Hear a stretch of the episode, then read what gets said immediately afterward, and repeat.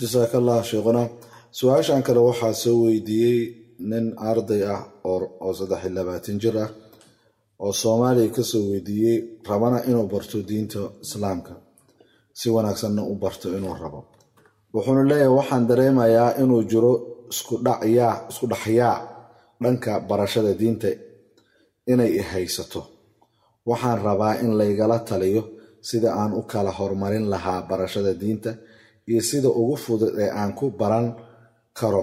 Jasaaka allahu khayr bismi illaahi raxmaan raxiim diinta in la bartaa waa daruuri waajib.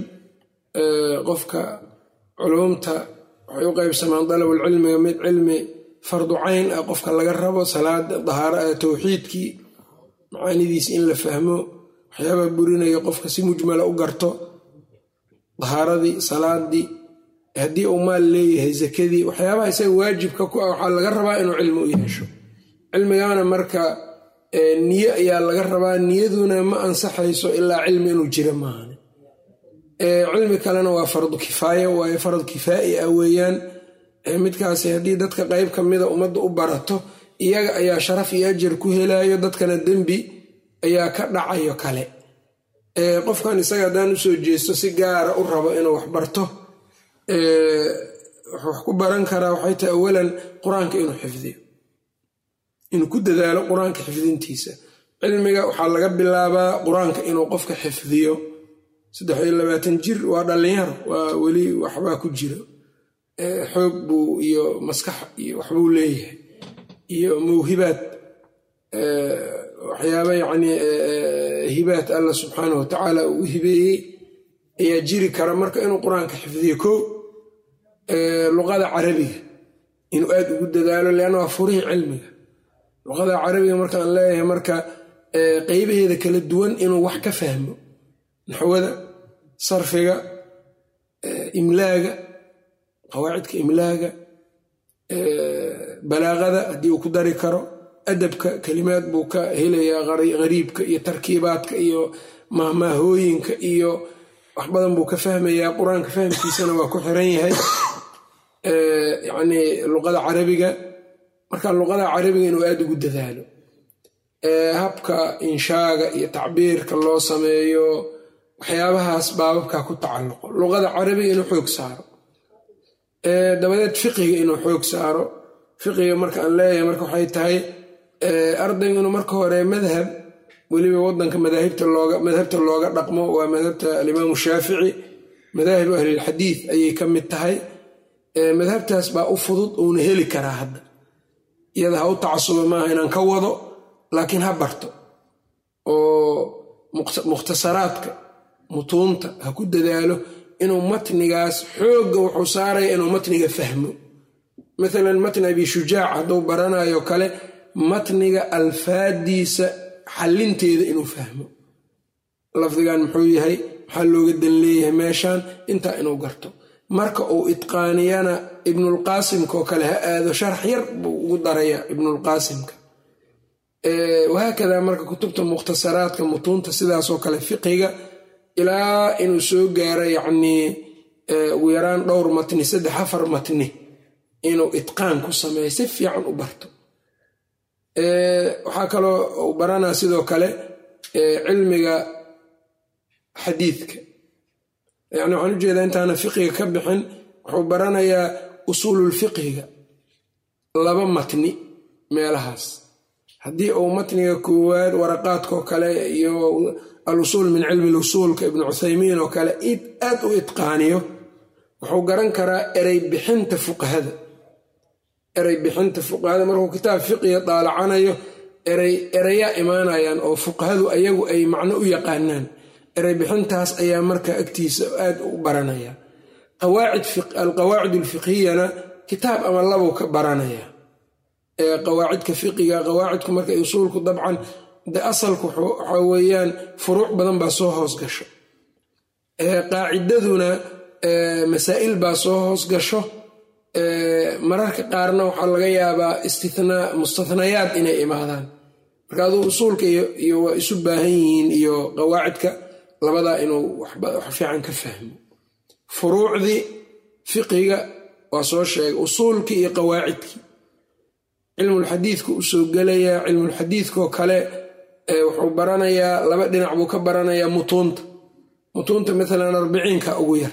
Arbaciinka nuskho saxan aqrinta iyo macaanida in la fahmo. Axaadiista nabiga sal ly salam iyo waxyaabaha laga qaadan karo si kooban oo u baranayo. Hadhowna marka sharaxa jaamicu lculuum alxikamka oo kale iyo ayuu fiirfiirinayaa si fahamkiisa u saxo oo u saxo. Cumdatul axkaamka oo kale waa barana oo akhrisana isagana. Marka hore matniguu akhrisanayaa sheekh buu ka akhrisanaa dabcan kutubtan oo dhan. Markuu matniga itqaaniyo kadib wuxuu u soo gudbayaa sharax inuu fiiriyo. Sharaxa ibnu daqiiq waa culus yahay xoogaa inkastoo uu culus yahay ixkaamul axkaamka. Haddana laakiin hadduu usuulka soo itqaaniyey iyo carabiyada waa u fududaanayaa inuu wax ka fahmo hadduu ku dadaalo sheekhna uu ka faa'iideysto aad wax cilmi badan baa uga kordhayo buluuqul maraamka ayuu kadib akhrisanayaa sidoo kale uu akhrisanayaa isagana xadiidka iyo meeshaas waxa loo keenay iyo ziyaadaadka uu keenayo. Qof aad u yaqaano ka akhrisanaya ziyaadaadkan uu keenayo muxuu kala jeedaa riwaayadan muxuu u keenay fiqiga ku jira waa maxay ayuu ku dadaalaa. Ayb. Waxaa barbar soconaya marka inta aanu buluuqba gaarin waa inuu soo bartaa musalaxa musalaxa marka bayquuniyaha kale ka bilaabaya tadkirada ibnulmulaqin oo kale yarta ah taqriibka nawaawi oo kale.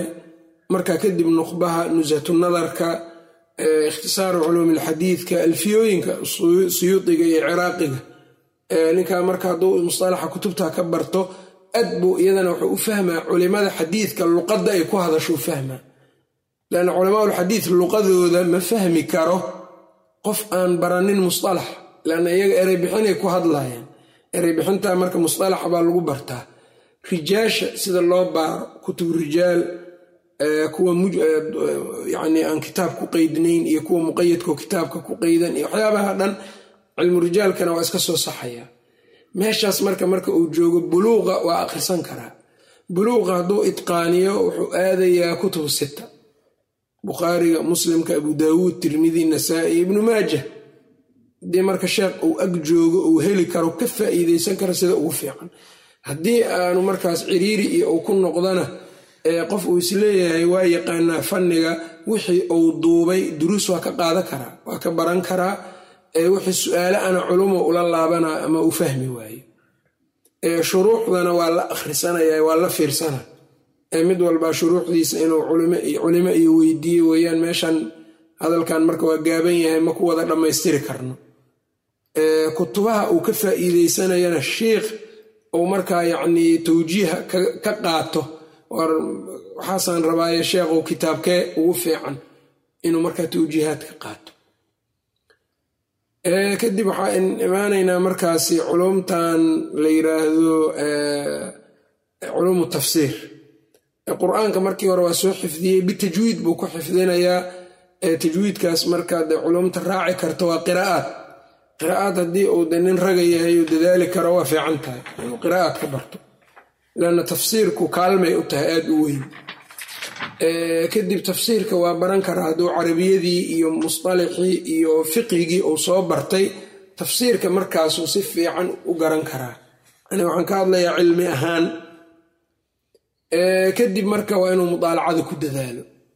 Haddii culumtaas uu culimada ka naqliyo kadib waa inuu isaga wax isbaraa. Waqtigiisa inuu qaybiyo qayb dhan inuu siiyo mudaalacat alkutub kutubta librariga inuu galo oo maktabada uu galo oo uu kala barto kutubaha. Aafada cilmiga marka aan ka digayana waxa ay tahay ninka mutacalimka ee wax baranaya ma ahan inuu isagu garsooro noqdo qaadi ou noqdo ee uu markaba ku soo boodo kaana wax lagama baran karo hebel lagama baran karo hebel lagama baran karo xirmaanuu ka helaya taas. Dadka ahlucilmiga ee uu is leeyahay diin ahaan caqiida ahaan waa ku kalsoon tahay ha ku dadaalo waxaan ka tegay culumta uu baranayo yani runtii aasaasna ah.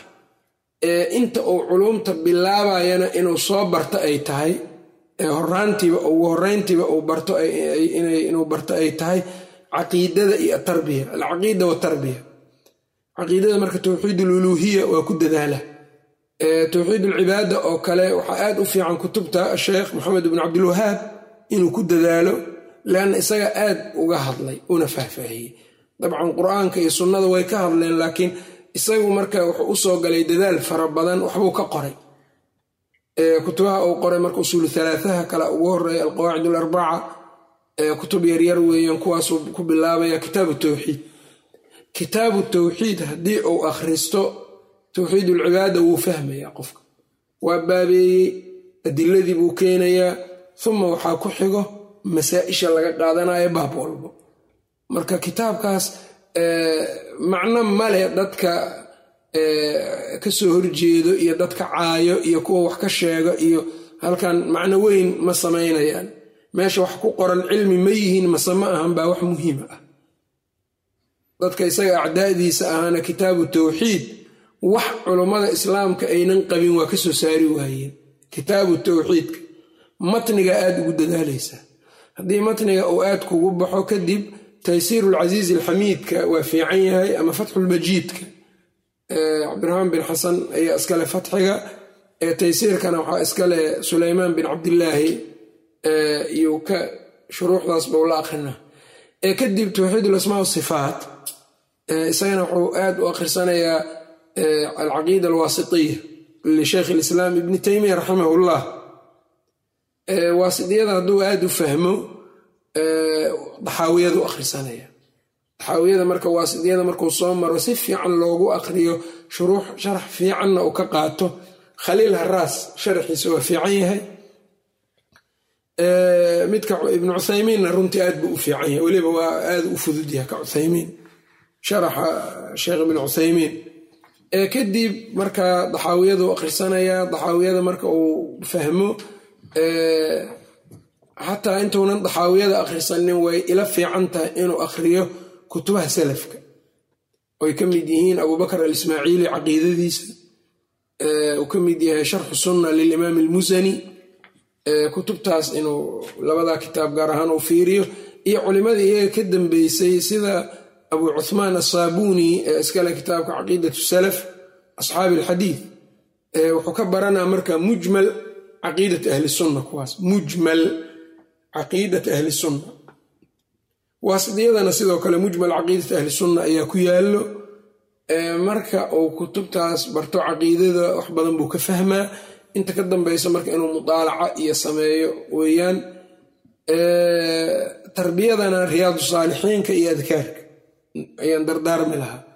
Riyaadu saalixiinka waa kitaab xadiid waana tarbiya adkaarku asaguna waa xadiid iyo fiqhi iyo raqaa'iq.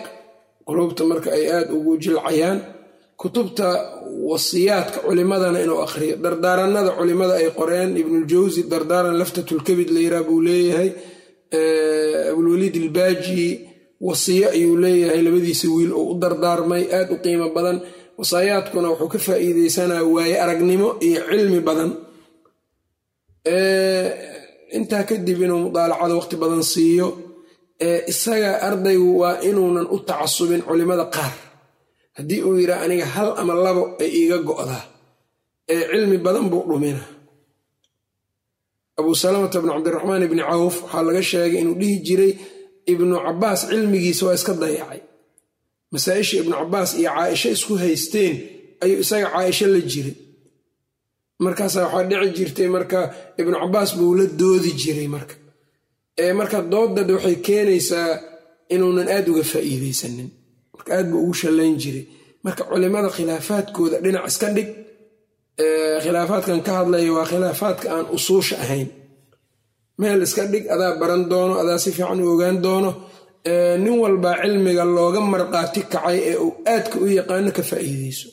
Culuum badanaad jamcinaysaa markaas marka aad jamciso culuumtaas adiga waxaa laga yaabaa inaad qof muxaqiqa noqoto markaa dadka cilmiga u ah isbaarada u dhigtana iska ilaali. Qofaan adiga wax ku dhaamin oo haddana cilmigii kaa reebayo ku dhahaya kaana ha dhegaysanin kaana ha dhegaysaninna waa fitno wataa iska ilaali. Wallahu aclam